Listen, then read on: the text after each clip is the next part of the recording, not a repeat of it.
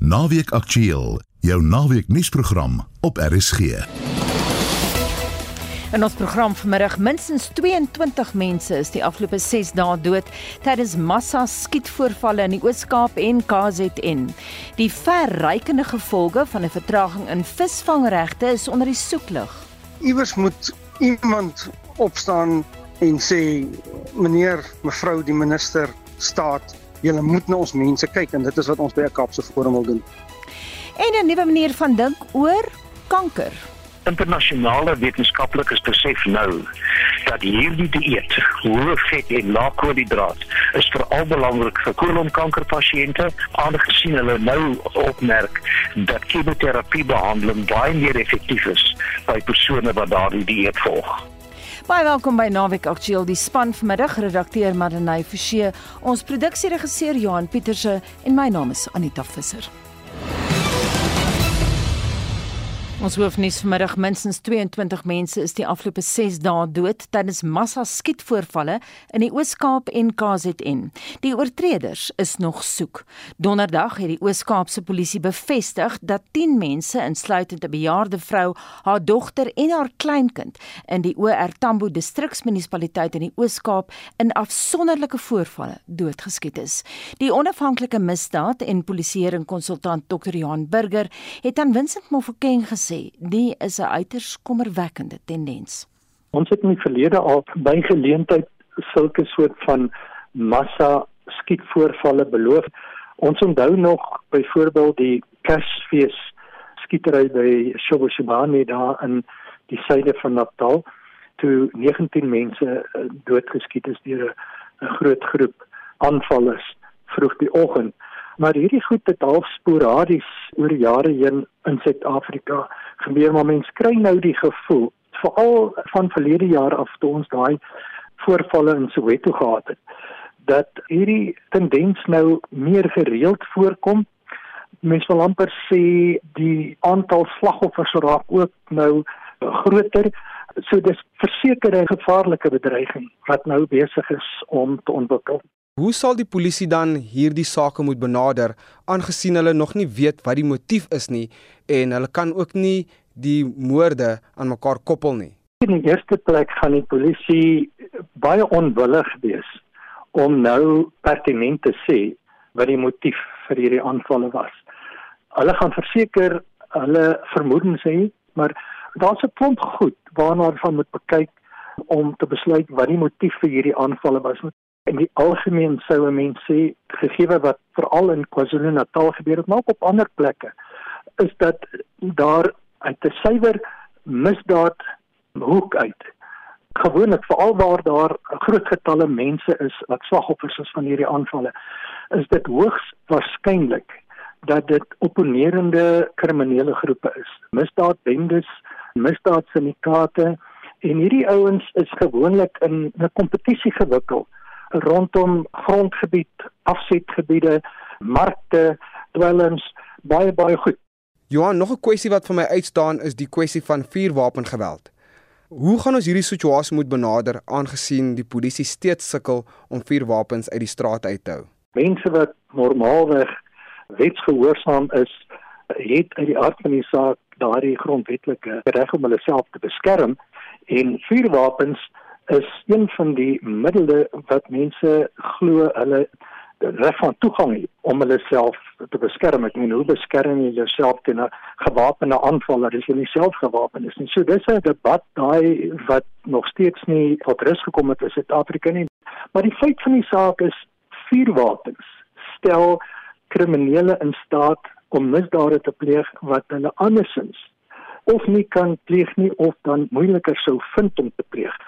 En die polisie het verlede jaar al toe na generaal Masimola aangestel is as nasionale kommissaris. Dit as een van die polisie se prioriteite gestel dat omdat hulle besef dat vuurwapens al hoe meer by misdaad gebruik word gaan hulle op daarop fokus hierdie tipe van wapens op te spoor en daarop beslag te lê. En natuurlik om die wet op die beheer van vuurwapens strenger toe te pas En dit was Johan Burger, 'n onafhanklike misdaadontleder wat met Vincent Mofokeng gepraat het. Die toekenning van visvangregte is weer eens uitgestel, die keer tot Oktober vanjaar. Die burgerregte organisasie Kaapse Forum waarsku dat die vertraging verrykende gevolge vir vissersgemeenskappe het en dat hy gereed maak om die stryd teen die onregverdige toekenning van regte hof toe te vat. 'n Koördineerder vir die Kaapse Forum, Tommy van Sail, het aan Madanay Forsie verduidelik waar die vertraging vandaan kom. Dit is al 'n proses wat baie lank aankom wat ons klaring voorsoek. Ons sit met gemeenskappe, mense, huishoudings, familiegroepe wat onder geweldige swaar druk is wat nie inkomste kan maak nie as gevolg van die proses wat uitgestel word en uitgestel word en uitgestel word. So van die 2800 applikasies wat daar was, is daar 'n groot syfer van dit word geappeleer mense wat nie regte toegeken is nie of wat regte gehad het in die verlede. Die appel aansoeke word nie afgehandel nie en derhalwe kan die mense nie uitgaan, hulle kan nie gaan werk, hulle kan nie gaan visvang vir hulle lewe nie. Die gevolge hiervan is verrykend. Dit lei natuurlik nou tot armoede, mense kinders wat skool toe moet gaan, lewens wat moet voortgaan. Die ander uh, nagevolg van dit is ook die mense wat die hulpbronne steel, wat onwettig vang en onwettig die perlemoen ontgin, want hy moet lewe. Van Sel sê daar is verskeie stories van mense wat toenemend sukkel om kop bo water te hou en daar is by elkeen 'n naam en 'n gesig. Tannie Heisel is 'n bejaarde tannie wat nog aktief in die ekonomie is. Sy maak heidaglik werk hulle die vissersbote se nette. Sy en so nege ander dames van haar gemeenskap om hulle besigheidjie, hulle inkomste te vergroot, is hulle ook aangemoedig om aansoek te doen vir 'n allocasie van visvang op maniere dat hulle geld ingebring soos boereworsrolle, pannekoek, uh, sulke goeder se verkoop en hulle het iets soos R8000 per kategorie wat hulle aansoek gedoen het. Daai geld is ingebetaal, die proses is ingehandig en Tannie Heisel is net laat weet, ja, maar jy het geen allocasie gekry nie en daar sit hulle. Daar is nie 'n rede hiervoor verskaf nie en hulle appel aansoek word voortdurend uitgestel. Iewers moet iemand opstaan en sê meneer, mevrou die minister staat Julle moet na ons mense kyk en dit is wat ons by 'n Kaapse Forum wil doen. Wat is julle volgende stap? Wat gaan julle doen in julle poging om hierdie gemeenskap te probeer help? Ons het al etlike briewe gestuur waarin ons vir minister Krisie gevra het of hulle gesprek met haar tree, maar ons kry nie eens 'n antwoord terug nie. Ons is besig met 'n hof aansoek. Ons wag vir 'n hofdatum wat ons hierdie hele proses en die omwentelinge om die proses in die hof gaan daag. Die proses wat ons nou het is saam met Charles Swarts wat ons die mandaat gegee het gesê asseblief mense ek kan nie teen die staat beklei nie. Beklei julle vir my teen die staat. Schwartz was 'n mediumskaal visserman. In 2006 as ek nou reg onthou het Charles al begin met sy proses in gelykheidshof om te sê dat hy voel hy's onregverdig behandel. Toe kom covid Charles se vernoot sterf af. Sy seun wat op daai stadium regtig gestudeer het kon nie meer verder studeer nie want daar was nie fondse nie. Charles het 'n koelkamer verpakking se aanleg gehad al daai prosesse, al daai harde ware wat hy gebruik het om vis te prosesseer en te verkoop en in die mark in te bring, het verval want daar's nie meer geld om dit te doen nie. Charles sit letterlik met sy hande in sy hare. Dit was 'n koördineerder by die burgerregte organisasie Kaapse Forum, Tommy van Sail. Marlene Forsie, SAK nuus. Suid-Afrikaners neem toenemend hulle toevlug tot juridiese instellings, het sy die konstitusionele hof of die menseregte kommissie om te veg vir hulle grondwetlike regte soos toegang tot water en krag. Helaas glo ten minste een grondwetlike kenner dat dit 'n mors van tyd is. Naweek Aktueel het gaan ondersoek instel. Op 16 Maart 2004 skryf Geraldine van Buren in die gesaghebende Britse koerant The Times die volgende: 10 years ago, the suggestion that South Africa could provide inspiration for British judicial reform would have been dismissed out of hand. Yet, whereas Britain's Human Rights Act attracts little global attention, the South African Bill of Rights is considered one of the world's most progressive and has attracted universal acclaim. Mm, in teorie ja, maar ons is naïef oor die regte wat kwansuis in die grondwet verskans is, sê die konstitusionele jurist professor Koos Malan. Jy kan jou lot gaan beklaam, maar in die finale instansie sal 'n hof se bevel nie werklik 'n bevel wees nie, maar eintlik niks meer nie as iets soos 'n versigtiging. So die aangewese ding is dood eenvoudig om in hierdie omstandighede nie hof toe te gaan nie. Wat gebeur? Dis dat die grondwetlike remedies teen die agtergrond van staatsverval wat ons op die oomblik het, beteken in die finale instansie niks. Malan het egter raad. Die aangewese ding is natuurlik om te probeer om op 'n plaaslike vlak tussen gemeenskappe self te werk om burgerlike organisasies sover te kry om iets omtrent die situasie te probeer doen om die sakewêreld te probeer betrek sodat geld dalk belê kan word om water by mense uit te kry. Maar om 'n beroep op die regering in hierdie omstandighede te doen is eintlik uh, totaal onmoontlik 'n Besoekende professor by Wits Universiteit se besigheidskool, Janie Resou, is dit eens met Koos Malan oor die pad vorentoe. Dit is eintlik die georganiseerde burgerlike gemeenskap wat hierdie rolle moet oorneem en ons gaan dit spesifiek sien gebeur op munisipale vlak. Die groot verandering wat hier egter nodig is, is dat munisipaliteite sal moet verstaan dat dit tot hulle voordeel is om met die burgerlike samelewing saam te werk sakeondernemings en so meer. 'n Sakeonderneming wat sy eie sonpanele opsit, help ook om die Eskom probleem te verlig. Maar in hierdie geval help die sakeonderneming eintlik vir eie voordeel, maar dit help ook die algemene gemeenskap. Karin Visser, tans 'n DA lid van die parlement, is 'n boerling van Sannieshof in Noordwes waar sy die belastingbetalers unie gestig het en stelselmatig saam met haar kollegas die rol van die dorpsraad oorgeneem het. Op daai stadium in 2007 het dit gegaan dat ons vir 'n periode van 3 jaar geen water gehad het vir lang tye. En as die water kom, is dit vir 'n halfuur of 20 minute in die oggend en as jy nie daar was nie, het jy dit gemis. Ons het 'n sakekamer gestig. Ek was voorsitter van die sakekamer daai tyd. Ons het 'n belastingbetalers unie gestig. So het ons begin kommunikeer met die Twain munisipaliteit. Op 'n vergadering in November in 2007 het ons vir 3 maande in Sannieshof nie water gehad nie. En die boere aangery, mense wat boorgate in die dorp gehad het, dit kanne en die emmers en die goed het oral gestaan. Jy het nêrens heen gegaan sonder dat jy sien dat iemand ry met SUV's met tankers agter op 'n bakkie met 'n uh, 25 liter kanne met water op nie. Mense wat op die plase moet gaan wasgoed was. Dit was absoluut chaoties om sonder water te moet klaarkom. Dit was tyd om die owerheid aan te vat. So ons het hulle toe op terme geplaas en 'n vergadering met hulle uitvoerende bestuur gehad. Hulle het vir ons beloof hulle gaan vir ons water van die Katsi dam en van die Okavango swamp af bring. Wat ons geweet het dat 'n leen is en verregaande is want hulle het soveel as net 2 miljoen rand. Ons het dit dispuut verklaar en ons het munisipale bestuurder in kennis gestel. Ons gaan ingaan en kyk wat is fout met die water. Ons het op Sannieshof Gas Stadium sewe boorgate gehad. Daar was 'n kabel foutief en met 12300 rand het ons die kabel herstel.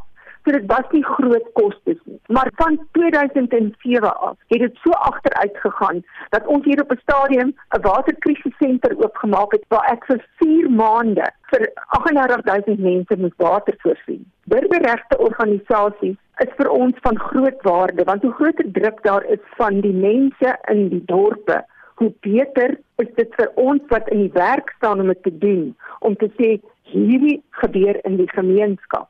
Helaas is 'n plan van aksie nie altyd volhoubaar nie. Mense wat uit die goedheid van hulle hart bydra, kan dit net tot op 'n sekere stadium doen. Hulle begin almal en dit is groot sensasie, maar almal doen ander werke ook en hulle kan nie twee soorte werk gelyktydig doen. Hulle kan nie in 'n besigheid staan en 'n dorp bestuur nie. Essensiële dienste het net al verder agteruit gegaan. So is ons elektrisiteitsinfrastruktuur van so 'n aard nou dat met load shedding gee transformers in, ons substasie gee in, sonkrag is baie duur. Ons boere wat in ons omgewing is wat totaal van die grid af is, in die dorp is dit nie so maklik nie. Besighede in die dorp is almal op generators hulle oorweeg om sonkrag in te sit, maar daar is ook bepaalde probleme daarbey. Hulle kan nie voldoende alles gelyktydig oorsit nie. Nou alles besig met samesprekings en ons het groot besighede wat inkom van die rand af, van oral oor wat kom advies gee en vir hulle help daarmee. Nog 'n sprekende voorbeeld van 'n boer wat plan maak, is Isolde Laizike wat 6 jaar lank AfriForum se takvoorsitter op Bethlehem in die Vrystaat was. Tans is die vrou wat haarself as 'n aktivis beskryf, 'n onafhanklike raadslid op die dorp wat die verskil maak tussen 'n stad en 'n dorp is die impak is soveel vinniger en soveel erger. Jy weet as 'n besigheidsman na jou toe kom en vir jou sê Isolde, ek is 'n eenman saak, ek verkoop kos. Ek het 40000 rand vir diesel uitgegee in 1 maand hoe moet ek dit verhaal? Hoeveel mense gaan ek moet laat gaan? Hoeveel toebroodjies moet ek verkoop om daai verlies op te maak? Dan begin ons kyk na planne om uit te brei, om ons eie krag te begin vervaardig. Gelukkig op hierdie stadium het ons nog 'n baie baie sterk besigheidsforum in die dorp.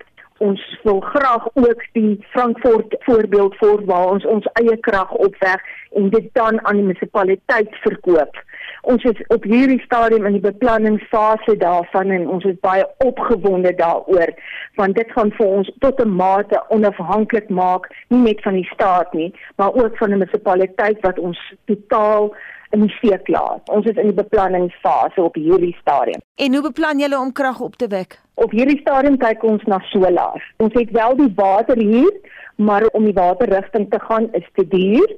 So ons kyk wel na solar op die stadium en syfers word op die tafel gesit. Ons is besig om samesprekings te hou met groot manne aan die rand wat vir ons voorleggings moet voorlê en vir ons sê luister so en so en so. Ons is wel besigheidsmense, ons het wel die geld, maar ons het nie die know-how nie. So ons het die deskundiges wat op die stadium mee gesels om dit vanaf Desember tot waar ons nou is om dit al so ver te kan hê is vir my prysenswaardig. Dit wys vir jou nie net hoe desperaat ons as 'n gemeenskap is nie, maar ook hoe gouer ons van 'n staat onafhanklik kan wees hoe beter. Dit is nie net van die sake mense se kant af nie, die gemeenskap is daar. Hulle is gewillig. Isolde, wat maak julle met water? Julle sit met van die beste water van die Lesotho Hoogland projek op julle voorstoep wat verbyvloei, maar julle kan dit nie gebruik nie. Dit is tragies om die minste te sê. Jy kan nog sonder elektrisiteit wees, maar jy kan nie sonder water wees nie. Op hierdie stadium maak ons gebruik van boorgate van privaat eiendomme af. Ons vra vir die boere in die gemeenskap om vir ons water in te bring met hulle tankers ons help gemeenskappe soos minder bevoorregte mense wat nie kan water koop nie. Die boeregemeenskap, ons kan nie sonder ons boeregemeenskap nie. Hulle sit met die water, hulle sit met die fasiliteite om vir ons die water in te bring. Ouete huise word gehelp, versorgingseenhede word gehelp. Hierdie mense het nie die fasiliteite en almal kan nie jou jou tank bekostig nie. Hmm. So, op die stadium boorgate in die dorp ons distriksboere bring vir ons water in en van daar af versprei ons dit. So gepraat van die boere Isolde. Ek verstaan hulle help ook in terme van die paaie regmaak. O, oh, fantasties. Absoluut fantasties. Ons het nou in Januarie, om presies te wees Januarie het ons begin om byvoorbeeld aan die R27 te werk. Die S10. As 'n boer sê hoor ek het grys op my plaas, kom kry vir ons grys, kry ons 'n spesiale afslag om die mengsel te koop. Die besighede in die dorp, ons het 'n firma hier wat daardie mengsel maak wat landwyd versprei word. Die afslag wat ons kry daar, die mense doen dit self. Ons maak daai gate self reg. Ons kry gemeenskap luister ek borg soveel sakkies teer. Daardie persoon sal sê ek bring in van die plaas af. Ek het die gat daar waar al die grys is, ek bring dit in. In Bethlehem het ons geleer dat ons moet saam staan en ons moet self doen van die regering laat ons in die steek. Een van die Vrystaat terug na Karin Visser in Noordwes. Ons het seker die droogste tyd van alle tye gehad. Ons het nie water nie. In Delareyville is 15 boorgate. Daai 15 boorgate kan nie vir 'n halfuur op slag water lewer aan die dorp nie. Ons het al 38 boorgate. Daar is nie water nie. Dit gaan nie oor dat daar nie water in die boorgate is. Die probleem is dat die waterbestuur en die waterverliesbestuur nie bestaan nie. Hulle pomp water wat uitloop in die vlaktes en gronddamme vol water pomp ons is nog steeds besig om waterbestuur te probeer op ons eie die wat tanks het, die tanks die wat boorgate het hier vir die diere en boere ry in hulle kan help met mense wat sit in die ouer huise en aftreeorde en sulke plekke. Ons hoef nou nie meer vir onsself te mislei in die sogenaamde oppermag van die grondwet, 'n sogenaamde verskanste of gewaarborgde regte nie. Jy kan jouself hoe mooi ook al daaroor uitspreek oor verskanstheid en gewaarborgdheid en oppermag, maar as jy vermoë nie daar is om dit uit te voer nie, beteken dit in die finale instansie ronde nul.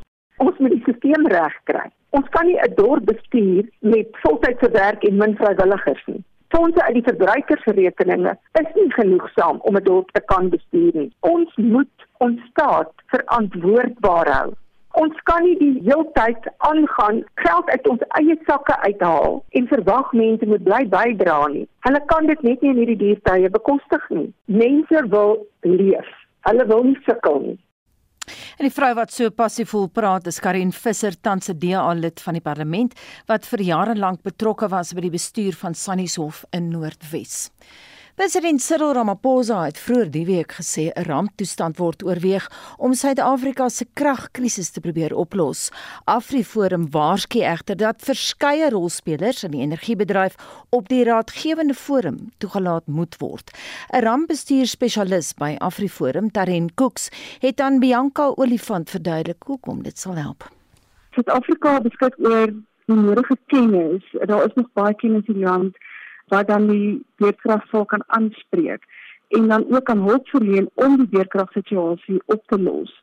En dan artikel 5 van die wet maak voorsiening wel daarvoor dat daar van private rolspelers gebruik kan maak om dan 'n sekere situasie soos 'n ramp dan aan te spreek om dit so gou as moontlik op te los. Ons was al in 'n ramptoestand met die pandemie. Nou is daar nog 'n moontlike ramptoestand.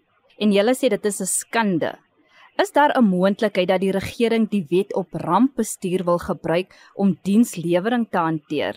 Sê vir dit my voorkom ja, en dit is nie daarvoor die rampwetgewing daar is nie. Die rampwetgewing is is eintlik daar geskryf om voorkomend te wees in steede van reaktief te wees.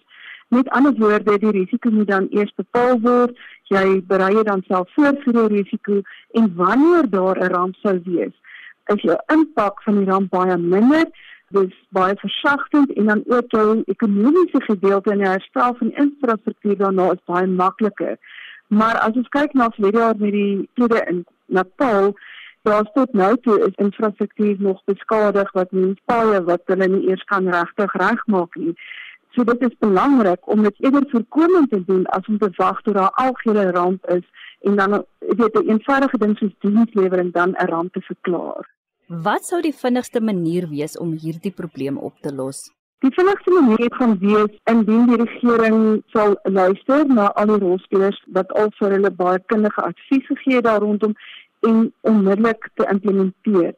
Die produk is daar. Die regering moet net implementeer en minder van 'n politieke speelwil maak en net 'n gewone dienslewering lewer sodat die mense kan water hê in hulle waterpype of net met hulle boerdery kan aangaan daarmee. As gevolg van die beerdkrag is daar baie uitdagings op munisipale vlak waar daar regtig dorpe is wat baie dae lank sonder water is as gevolg van beerdkrag wat die waterwerke te lank vat om byvoorbeeld 'n reservoir vol te pomp en dan water aan 'n dorp te voorsien. Ek sou eerder voorstel dat die regering daarna kyk. Is daar enige fondse beskikbaar vir iets soos dit? Nasionaal word begroot vir rampe wat sou plaasvind. Daar word 'n bedrag toegeken elke jaar soos wat ons weet. Maar wanneer daai fondse uitgeput is, moet daar weer aangevra word vir fondse. Nou wanneer 'n ramp verklaar word, kan daar van addisionele fondse of begrotings gebruik gemaak word om dan met die die ramp te help stabiliseer um, en dan ook daarna herstelwerk te doen. Die probleem egter met daarmee is en ek dink almal het dit so ervaar is wanneer daar fondse beskikbaar gestel word, kom dit nie uit op die plekke waar dit moet uitkom om die ramp wel te verlig nie. En so sê die rampbestuurspesialis van Afriforum Tarin Cook sê sy het met Bianca Olifant gepraat. Julle is nou naweek aktueel. My naam is Anita Visser en hier is Christo Gawe met die jongste sportnuus. Goeiemiddag. Die SA20 cricket kragmeting tussen Durban se Super Giants en Sunrisers Eastern Cape is gister afgelas nadat 'n tipiese Durbanse wolkbreek gisteraand die speeloppervlak by Kingsmead deurweek het. Sunrisers wat deur die Super Giants ingestuur is om eerste te kolf, het 53 vir 3 in 5,2 bilbeerte bereik voordat reën die wedstryd gestop het. Vanmiddag om 06:30 kom die Pretoria Capitals teen MI Cape Town te staan. Môre middag om 02:30 speel Joburg Super Kings teen Sunrisers Eastern Cape. In sokker het Maritzburg United gisteraand in die Harry Gwala Stadion in Pietermaritzburg 'n voorsprong deur hulle vingers laat glip in hulle gelykop uitslag van 1-1 teen AmaZulu in hul DStv Premier Liga kragmeting. Ondanks die gelykop uitslag het die tuisspan tot die 14de plek op die liga punteleer geklim voor hul Nedbank beker wedstryd teen Kaizer Chiefs tuis op die 10de Februarie. Daar's 'n ewige ontmoeting tussen Orlando Pirates en Mamelodi Sundowns om 04:30 vanmiddag. Chippa United en Stellenbosch sê mekaar die stryd ook aan, terwyl SuperSport United en Cape Town City mekaar pak om 06:30 vanaand. Môre middag om 04:30 kom Galaxy en Kaizer Chiefs teen mekaar te staan.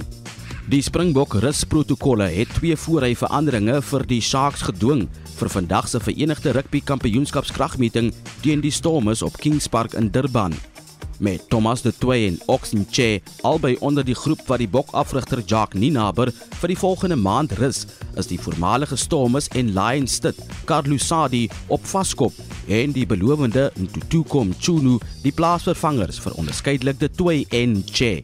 Die kragmeting begin om 2 namiddag later vandag. En by die Bains Whisky Kaapstad Ope Golftoernooi is die voorloper Jaco van Sail met 9 onderbaan syfer. Benjamin Foley Smith Dylan Mostert en Ashley Chesters is almal in gesamentlike tweede plek met 8 onder. Die toernooi is steeds aan die gang tot môre. En dit was Christo Gawie met die sportnuus. Baie welkom by Naweek Aktueel. Vandag is Wêreldkankerbewusmakingsdag en daarom is ons gas dan ook in die ateljee professor Michael Herbst, hy is 'n gesondheidsspesialis by die Suid-Afrikaanse Kankervereniging Kansa, maar nou eers 'n aansluitende storie. Die 48-jarige Frida Botha van die Baai is in 2008 met kolonkanker gediagnoseer en is vandag kankervry. Sy benut egter haar persoonlike ervaring om haarself en ander te help. Weet jy, ek het eintlik vir iets heeltemal anders na die dokter toe gegaan. Ek kon nie eet op 'n stadium nie. Ek het altyd gevoel ek oorvol is. Ek kon nie eers die geel van 'n gekookte eier inkry nie. Op 'n stadium het ek besluit nee, jy weet dit kan nie so aangaan nie. Ek moet nou dokter toe gaan.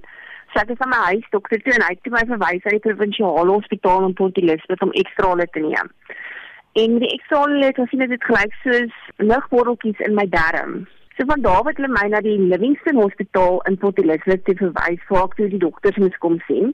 Hulle het besluit om die lugborrels uit te kry vir operasie doen. Toe hulle die operasie doen te besef hulle daar is grieseltjies in die darm, die poliepe. En hulle het 'n poliep geneem vir 'n biopsie en die biopsie het teruggekom en hulle gewys daar's kanker in die poliep gewees. Nou intussen het jou status baie verander. Jy het 'n besondere eer gekry. Vertel ons daarvan. Ja, weet jy ja, in 2020 was ek genomineer as 'n Global Hero of Hope wat Port Elizabeth verteenwoordig. 'n Global Hero of Hope is 'n persoon wat 'n simbool is van persoonlike oorwinning oor kanker. Dis iemand wat ondersteun en alle mense aanmoedig en ook 'n groot bywoning het in ons flagship event wat 'n Cancer Relay for Life is. Ons word genomineer deur ons plaaslike kankervereniging en dan word dit gestuur na die American Cancer Association toe. Van daar af gaan dit deur die nominasies en dan sou word die persone aangewys. En het julle dan besondere pligte wat julle moet uitvoer en so aan? Ons help met die bewusmaking van kanker en wat se dienste ons kankerverenigings aanbied. Ek het gevind vandat ek gekies is, het ek baie mense gehad wat my genader het en gesê, "Hy het nie geweet kanker is so erg en daar's so baie mense aangeraak en dit is die dienste wat beskikbaar is deur die kankervereniging. Jou rol is om mense te ondersteun, mense bewus te maak. En wat lekker is, nie nie te slegte wyne maar wat lekker is van dit is jy werk met soveel mense reg oor die wêreld. België, Bermuda, Denemark, almal van ons is in dieselfde bootjie. Ek dink die mense besef hoe baie mense word geraak deur kanker nie. Kom ons kom vinnig terug na die Cancer Relay for Life. Wat presies behels dit? Dit is 'n oornag event wat plaasneem om mense bewus te maak van kanker slaap nooit nie. 'n Groot deel is om fondsinsameling te doen vir die kankervereniging. So ons het spanne wat inskryf met 10 tot 15 persone in 'n span. Hulle neem deel oornag aan hierdie event. Hulle stap om die baan. Dan moet jy ook iemand van jou span wees wat stap om die baan. Enige fasiliteit ons gebruik 'n fasiliteit hier in Port Elizabeth wat nou ons 'n paar jaar nou al ondersteun deur te sê ons kan hulle hulle venue gebruik. Dit kan by skole gedoen word, dit kan enige plek gedoen word. Ons het van die plekke wat dit in 'n winkelsentrum doen actually. En dan stap julle. Jy stap ja, want hulle sê kanker is nooit nie en kanker gaan slaap nooit nie. So daar moet altyd iemand van jou span op die baan wees. Jy sê dis baie lekker om in die wêreldgemeenskap te kommunikeer om met julle om jou woorde te gebruik almal in dieselfde bootjie is. Het jy nou vriende ja. byvoorbeeld in Denemarke gemaak en elders in die wêreld wat soos jy kolonkanker ja. het? Ja, ja, ek het ja.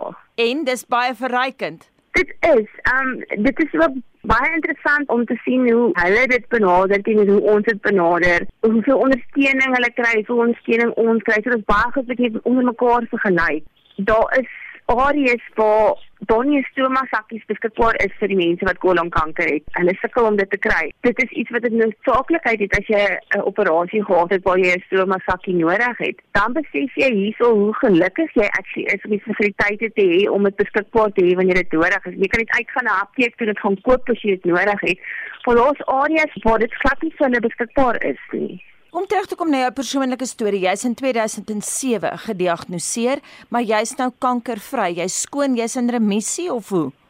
Ek is ja, so twee keer het ek gehad wat ek teruggegaan het want op 'n stadium het ek elke 3 maande gegaan. En toe was dit in 2010 het my chemo gedoen, ek net na 2010 tot die chemo gedoen het, het hulle weer gegaan het vir vir dinge soos hulle weer 'n groeisel gevind wat hulle moes verwyder het. Toe het ek weer 'n stoma sakkie gekry en Ek is baie gelukkig en bevoorreg om te sê tot nou toe was elke keer wat ek gaan het 'n groeisel gekry het, was dit nog so ver 'n negatiewe uitslag wat aan my toe teruggekom het. So ja, so ver as ek nog in remissie. Frida, is jy angstig? Ja. Elke keer wanneer jy gaan vir daai toetse vir jou opvolg van jou dokter moet gaan sien, dan dink jy altyd wat as? Wat as die uitslag weer is dat jy kanker het? Dis iets wat wat altyd by jou bly. Sodra jy net jou uit jou gewone rotine is van jou maag gaan nie soos gewoonlik nie of jy voel net 'n bietjie sleg, dan is die eerste gedagte wat in jou kop soos jy oppop is dis terug. En so sê die 48-jarige Frida Botha en by my in die ateljee is professor Michael Herbst, hy is gesondheidsspesialis by Kansa. Baie welkom by Naweek Aktueel Michael. Baie dankie Anita. Voordat ons uh, meer in detail praat oor wie kry kolonkanker en hoekom, daar is nou nuwe navorsing wat 'n uh, interessante koppeling het tussen die behandeling van die kanker en vet. Ja, dit is nogal 'n kontroversiële onderwerp want etlike jare terug uh wou mense niks weet van uh, hoë vet en lae koolhidraat dieet nie. Want dit is 'n dieet wat ons uitsluitlik gebruik het vir kinders met 'n sekere vorm van epilepsie. En dit het gehelp dat hulle epileptiese aanvalle totaal sou verminder, aangesien medikasie nie vir hulle gehelp het nie. Maar nou is die internasionale literatuur vol van uh ewe knie geëvalueerde kliniese toetse en dinge wat gedoen word wat daarop wys dat hierdie hoë vet, lae koolhidraat dieet wat dit ketose veroorsaak in die liggaam en dat dit mee help dat chemoterapie baie meer effektief is. Hoe help dit presies, weet julle? Eh, daar is nog kliniese toetse op die oomblik aan die gang, maar die bewyse is daar dat die ketose wat in die liggaam vorm definitief die effektiwiteit van die chemoterapie aanhelp, maar kansa waarsku daarteen moenie sommer self op hierdie hoë vet lae koolhidraat dieet gaan nie. Spreek jou onkoloog of praat met 'n geregistreerde uh, dieetkundige. Ja, ek wil nou net sê nou nou het ons die uh, hartspesialiste op ons as ons sê eet meer vet, maar dit word alles gekwalifiseer in terme van hierdie navorsing. Ek wil vinnig terugkom na iets anders toe. Hulle het nou bevind dit is goed as jy tydens chemoterapie meer vet eet. Wat van kolonkanker pasiënte wat nie op chemo is nie? Sou dit aan te beveel wees dat hulle ook meer vet eet? Weereens, dit word alles gekwalifiseer. Jy moet met jou dokter praat voordat jy dit doen. Na mate ek die uh, situasie kan verstaan, dat sou iemand op so 'n dieet geplaas word, sal dit net gedurende die siklus van chemoterapie wees. Want onthou chemoterapie word in siklusse gegee. Mm. Dis nie dat hierdie persoon op 'n hoë vet lae koolhidraat dieet gaan vir 'n jaar of iets nie. Dit sal net vir etlike uh 2, 3 weke wees met die siklus van chemoterapie en dan gaan die persoon weer op 'n gebalanseerde of so naby as moontlik aan 'n gebalanseerde gebalanseerde normale dieet. Michael, toe ek vroeër in die week met jou gepraat het, het jy vir my gesê jy wil op kolonkanker fokus. Hoekom? Ja, dit is iets wat regtig waar vir baie jare was dit half 'n uh, weeskind onder die kankers. Ons het nie baie daarvan gehoor nie. Maar die afgelope paar jaar is kolonkanker besig om baie meer voor te kom. Dit is nou die tweede mees algemene kanker onder Suid-Afrikaanse mans en die derde mees algemene kanker onder Suid-Afrikaanse vroue. En al hoe meer jonger jonger mense is besig om gediagnoseer te word tot so laag as ouderdom ongeveer 30 en dit is baie sorgwekkend. Het ons enige rede hoekom? Dit is nog regtig waar onbekend en daar word naastiglik gesoek na wat is die werklike rede. My persoonlike opinie is natuurlik dat ons leef in 'n toksiese sop. Daar is soveel chemikalieë en dinge wat in ons omgewing is en wat in ons gepresesseerde kosse ingesluit word wat ons nie eers weet wat die moontlike skade is wat daardie chemikalieë aan ons liggame kan doen nie. Gestel mense het baie goeie gene en jy het geen kanker in jou familie nie sou jy dan nog steeds sê kolonkanker kon kry as jy verkeerd eet of sou jou goeie gene jou beskerm? Goeie gene kan help om die risiko te verlaag. Maar dit kan nie voorkomend wees werklik waar nie. Ek persoonlik glo nie daarin dat jy kan kanker voorkom nie. Uh hy vra geen vra nie. Hy vra nie of jy ryk of arm is, wat die velkleur is, of jy geld het of jy nie geld het, wat jou etnisiteit of jou taal gebruik of enigiets is nie. So ons almal moet versigtig wees en ons moet die drie belangrikste dinge wat ons self iets kan kan doen om ons risiko te verlaag is om nie te rook nie.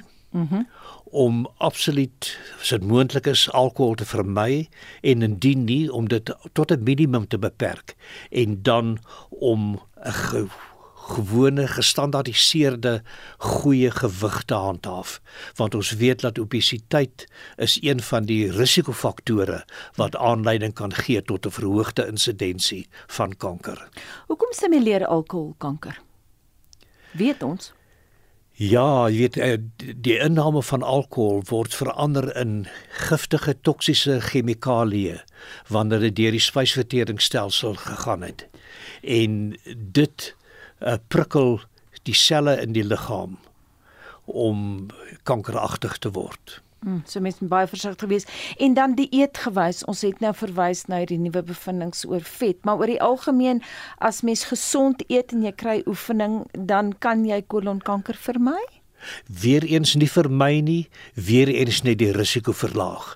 En dit geld vir alle vorms van kanker dat dit is baie goed om aktief te wees, 'n goeie gesonde gebalanseerde dieet te nuttig en hier om seker te maak dat jy genoegsame vrugte en groente inneem van so groot verskeidenheid van kleure as wat jy moontlik kan, want die antioksidante in elke kleur vrug of groente is verskillend en help die liggaam om oksidasie te voorkom en te beheer op 'n afsonderlike en 'n verskillende wyse. Aan die woord vandag is professor Michael Herbst van Kansa. Michael, ek wil teruggaan na die 48-jarige Frida Botha wat gediagnoseer is jare gelede al met kolonkanker. Sy het aanvanklik uh, oor iets anders na die dokter toe gegaan, hè. Sy het gesê sy het gesukkel om behoorlik te eet. Sy kon nie eers byvoorbeeld die geel van 'n eier sluk nie. Wat sou die simptome van kolonkanker wees. Mens dink altyd aan bloed. En ek is so bly dat ons vir Vrede in die ateljee gehad het om met ons 'n gesprek te tree, want sy het vir ons die absolute perfekte kliniese beeld gegee van iemand wat 'n moontlike kandidaat vir kolonkanker is. In die begin het die meeste en bykans amper alle pasiënte het nie spesifieke tekens en simptome wat enigstens daarop dui dat daar 'n moontlikheid vir kanker is nie. Eers wanneer dit werklik waar uh, kenmerkende tekens en simptome gehandhaaf word, dan is die persoon gewoonlik al in 'n meer gevorderde stadium van kolonkanker. En die hele probleem met COVID nou baie kankers is ondergediagnoseer of hoe Michael? Absoluut. Jy weet want hier is weer eens die probleem met ons mense. Ons glo dit gebeur net altyd met iemand anders en hierdie probleempie wat ek het, hierdie slegte spysvertering wat ek het, hierdie pyn wat ek hier het, mm. daai knop wat daar veroorsaak, dit sal weer weggaan. Mm. Uh, dit was my hele lewe lank nooit 'n ernstige probleem nie. Hoekom is dit nou 'n probleem? En my advies altyd aan mense is enigiets wat vandag, gister, verlede week, verlede maand of verlede jaar anders is op vandag wat ek daarna kyk. Mm moet ons daarna laat omsien want 'n vroeë diagnose lei tot vroeë behandeling en die kans om in remissie te gaan is soveel groter. Ja, nee, ek uh, besef dit dat mens vroeg moet gaan vir behandeling, maar nou ook jy gee telefoniese berading aan kankerpasiënte. Vertel ons 'n bietjie daarvan. En ons bied dit in alle tale in Suid-Afrika aan. So mense kan net die tolvrye nommer gebruik 0800 mm -hmm. 226622 of hulle kan die Kansa webtuiste besoek www.kansa met 'n c c a n s a www.org.za en daar kan hulle 'n telefoon onderhoud bespreek en kan sabel jou terug so daar is nie eers verdere onkoste vir jou daarby aangeheg nie. Michael, ek gaan nou vir jou vra ek het so vlugtig daai nommer probeer neerskryf. Herhaal net dis 0800 22 en dan nog 'n alternatief? Nee, dit is net die twee kontakpunte. Telefoon tolvry en dan die webwerf Baie dankie en baie praktiese raad van professor Michael Herbs wat sê as jy dink daar's fout, gaan sien jou dokter en Michael Herbs is gesondheidsspesialis by die Suid-Afrikaanse Kankervereniging Kansa. Vir die kinders in Delft of leer op Delft by op die Kaapse vlakte is die lewe swaar met baie min afleiding of veilige plekke om sorgvry te speel. Bendes, soos ons almal weet, is volop in die strate onveilig, maar 'n nuwe inisiatief, die Delft Openbare Biblioteek, lok kinders waar hulle die vreugde van lees begin ervaar.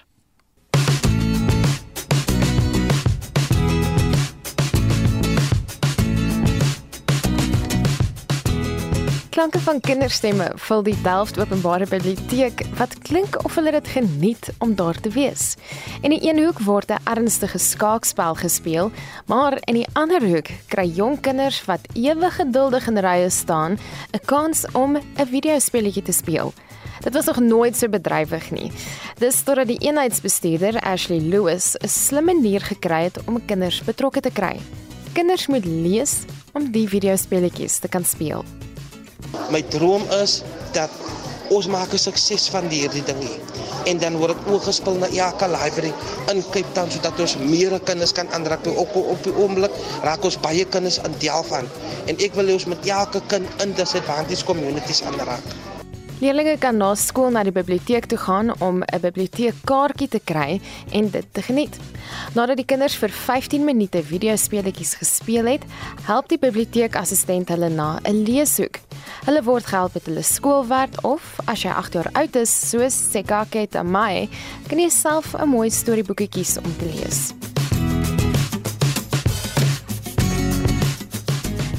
Tortoise wanted to go on a big adventure to see the world, but they can't possibly live without saying goodbye to all of his animal friends.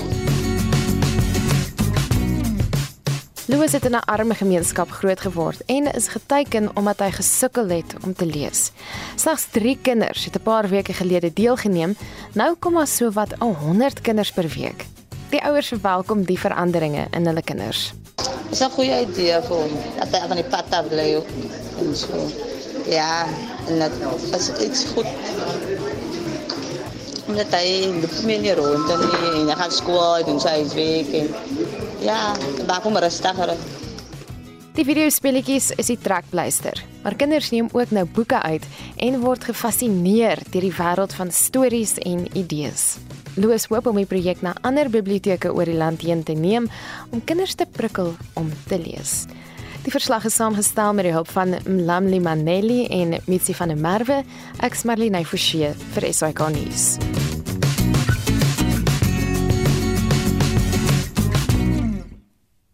Verlede naweek het Naweek Aktueel berig oor hoe Britse knaagdiere aangepas het om te oorleef teen die sterkste gifdoders. Intussen het Suider-Afrikaanse mossies dieselfde gedoen, die keer in terme van DDT wat al dekades lank gebruik word om malaria te beheer. Die bioloog professor Henk Bouman van Noordwes Universiteit se departement dierkunde het die wyeer konteks aan ons verduidelik. Anita mossies kom algemeen voor in die dorpe waar DDT gespuit word vir malaria beheer. Die DDT word aan die binnekante van die mure en aan die dakke van huise gespuit teen 2 gram per vierkante meter om malaria te beheer. Dit maak die muskiete wat daar kan sit dan dood. Maar terselfdertyd maak die mossies mes in die grasdakke. Hulle maak sulke openinge wat hulle dan ingaan. Met ander woorde, hierdie mossies maak mes binne sentimeters van waar die DDT gespuit word. En as ons kyk na die DDT vlakke in die mossiese eiers, is dit geweldig hoog, onder die hoogste vlakke in die wêreld in hierdie mossie eiers. En weet jy wat, hierdie mossies teer glad nie daaraan. Lyk glad nie of hulle geplaas het deur nie. Hulle broei en gaan voort en plant voort natuurlik. Nou dit wil voorkom dat die mossies oor die 60, 70 jaar wat DDT nou gebruik is vir hierdie doel of toleransie of weerstand ontwikkel het of beide teen hierdie DDT. Natuurlik dan die uh, embrio's in die eiers ook, want hulle plant voort. Mossies is nie 'n rare voorkoms in hierdie dorpies nie. Ons is verstom oor hierdie weerstand wat hulle ontwikkel het, dat hulle tog so goed kan voortgaan. Dit wys op die krag van seleksie, die krag van wat die fisiologie kan doen, die net lank en lank en lank blootgestel word aan hierdie giftige stowwe. So jy is laat nie verbaas oor wat jy gevind het nie. En die mossies het nie fisiologies verander oor die jare nie. Jy praat nou van 70 jaar lank wat ons al hmm. Eh, DDT gebruik. Wel, maar net ons was verstom oor hoe vlakke gewees. Dit was werklik uitermate hoog. Dis dieselfde vlakke wat jy sou verwag in roofvoëls waar die DDT akkumuleer van prooi af boontoe. Dit akkumuleer dit in hoër en hoër vlakke. Hierdie mossies is nie 'n predator nie dit eet gras en enigiets anders, jy eet gras, saad en enigiets anders wat daar rond lê. Glad nie predator nie, maar omdat dit so naby hierdie DDT broei en voorkom en lewe, het dit geweldig hoë vlakke, kan dit geweldig hoë vlakke akkumuleer, maar dan ook voortplant. Hoe dit gebeur presies weet ons nie of dit fisiologiese of genetiese seleksie is. Dit is waarskynlik 'n kombinasie van beide. Maar ons het nie gekyk na die fisiologie nie. Wat ons wel na gekyk het, byvoorbeeld moontlike effekte op die eierdoppe self het affekteer hierdie DDT die eiers, die die parameters van die eiers, die diktes, die boerie wat op voorkom en so aan.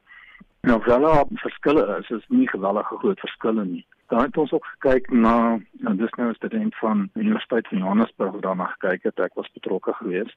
Ook gekyk na die simmetrie van die bene, en dan oor die skelet van die mossies. Nou, indien jy as organisme ge ons as challenge, en dan hoor as daar giftige stof in die omgewing is, dan kan dit jou ontwikkeling vir altyd in embriologie, embriologiese ontwikkeling, kan dit sodanig affekteer dat sê maar jou linker en regterkant nie presies dieselfde is nie.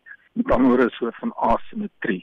En ons kyk ons die bene gemeet in left, right en center en hoe ook al en baie komplekse analitiese apparaat gebruik om te meet en binne in die bene te kyk die digtheid van die bene te bepaal byvoorbeeld en geen effekte nie niks nie.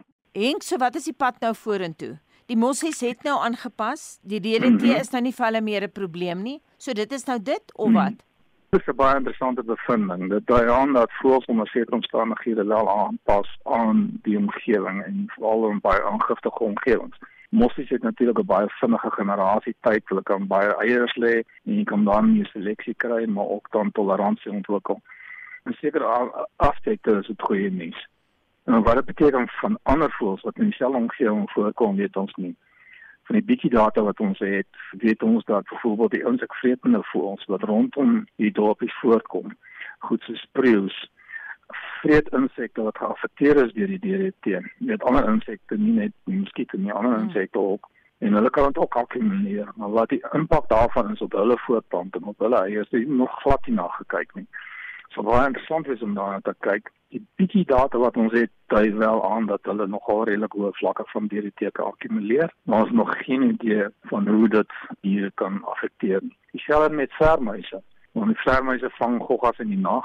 Die goggas self motte en so aan kan ook DDT in hulle hê. En ons weet ook geen idee van wat die impak van die DDT op daai vermuise mag hê nie. En so sê professor Henk Bouman van Noordwes Universiteit se departement dierkunde. En in ons weeklikse motorrubriek beantwoord Wes Pretoria se luisteraars briewe.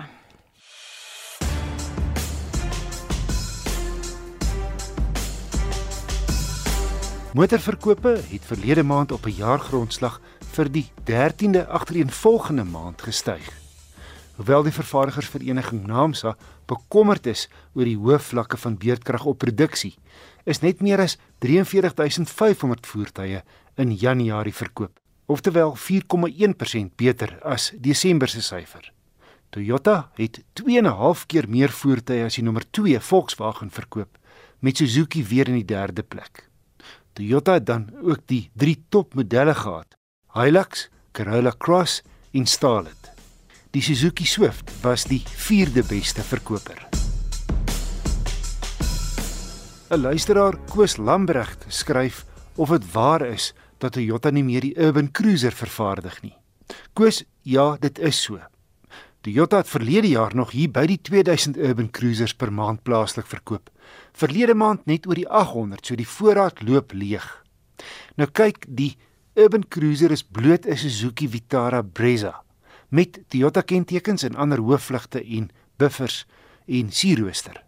Volgens 'n ooreenkoms tussen die twee verkoop Toyota verskeie modelle wat bloot Indies vervaardigde Suzuki's is.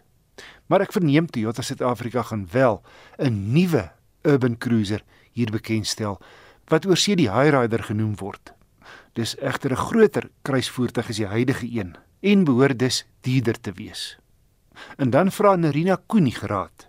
Sy skryf dat haar 1994 Volkswagen Golf Shuttle 1.3 se rooi temperatuurlig aankom.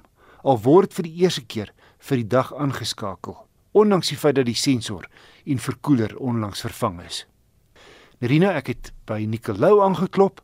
Hy is 'n tegniese konsultant en die besigheidsontwikkelingsbestuurder by SVU gepantserde voertuie.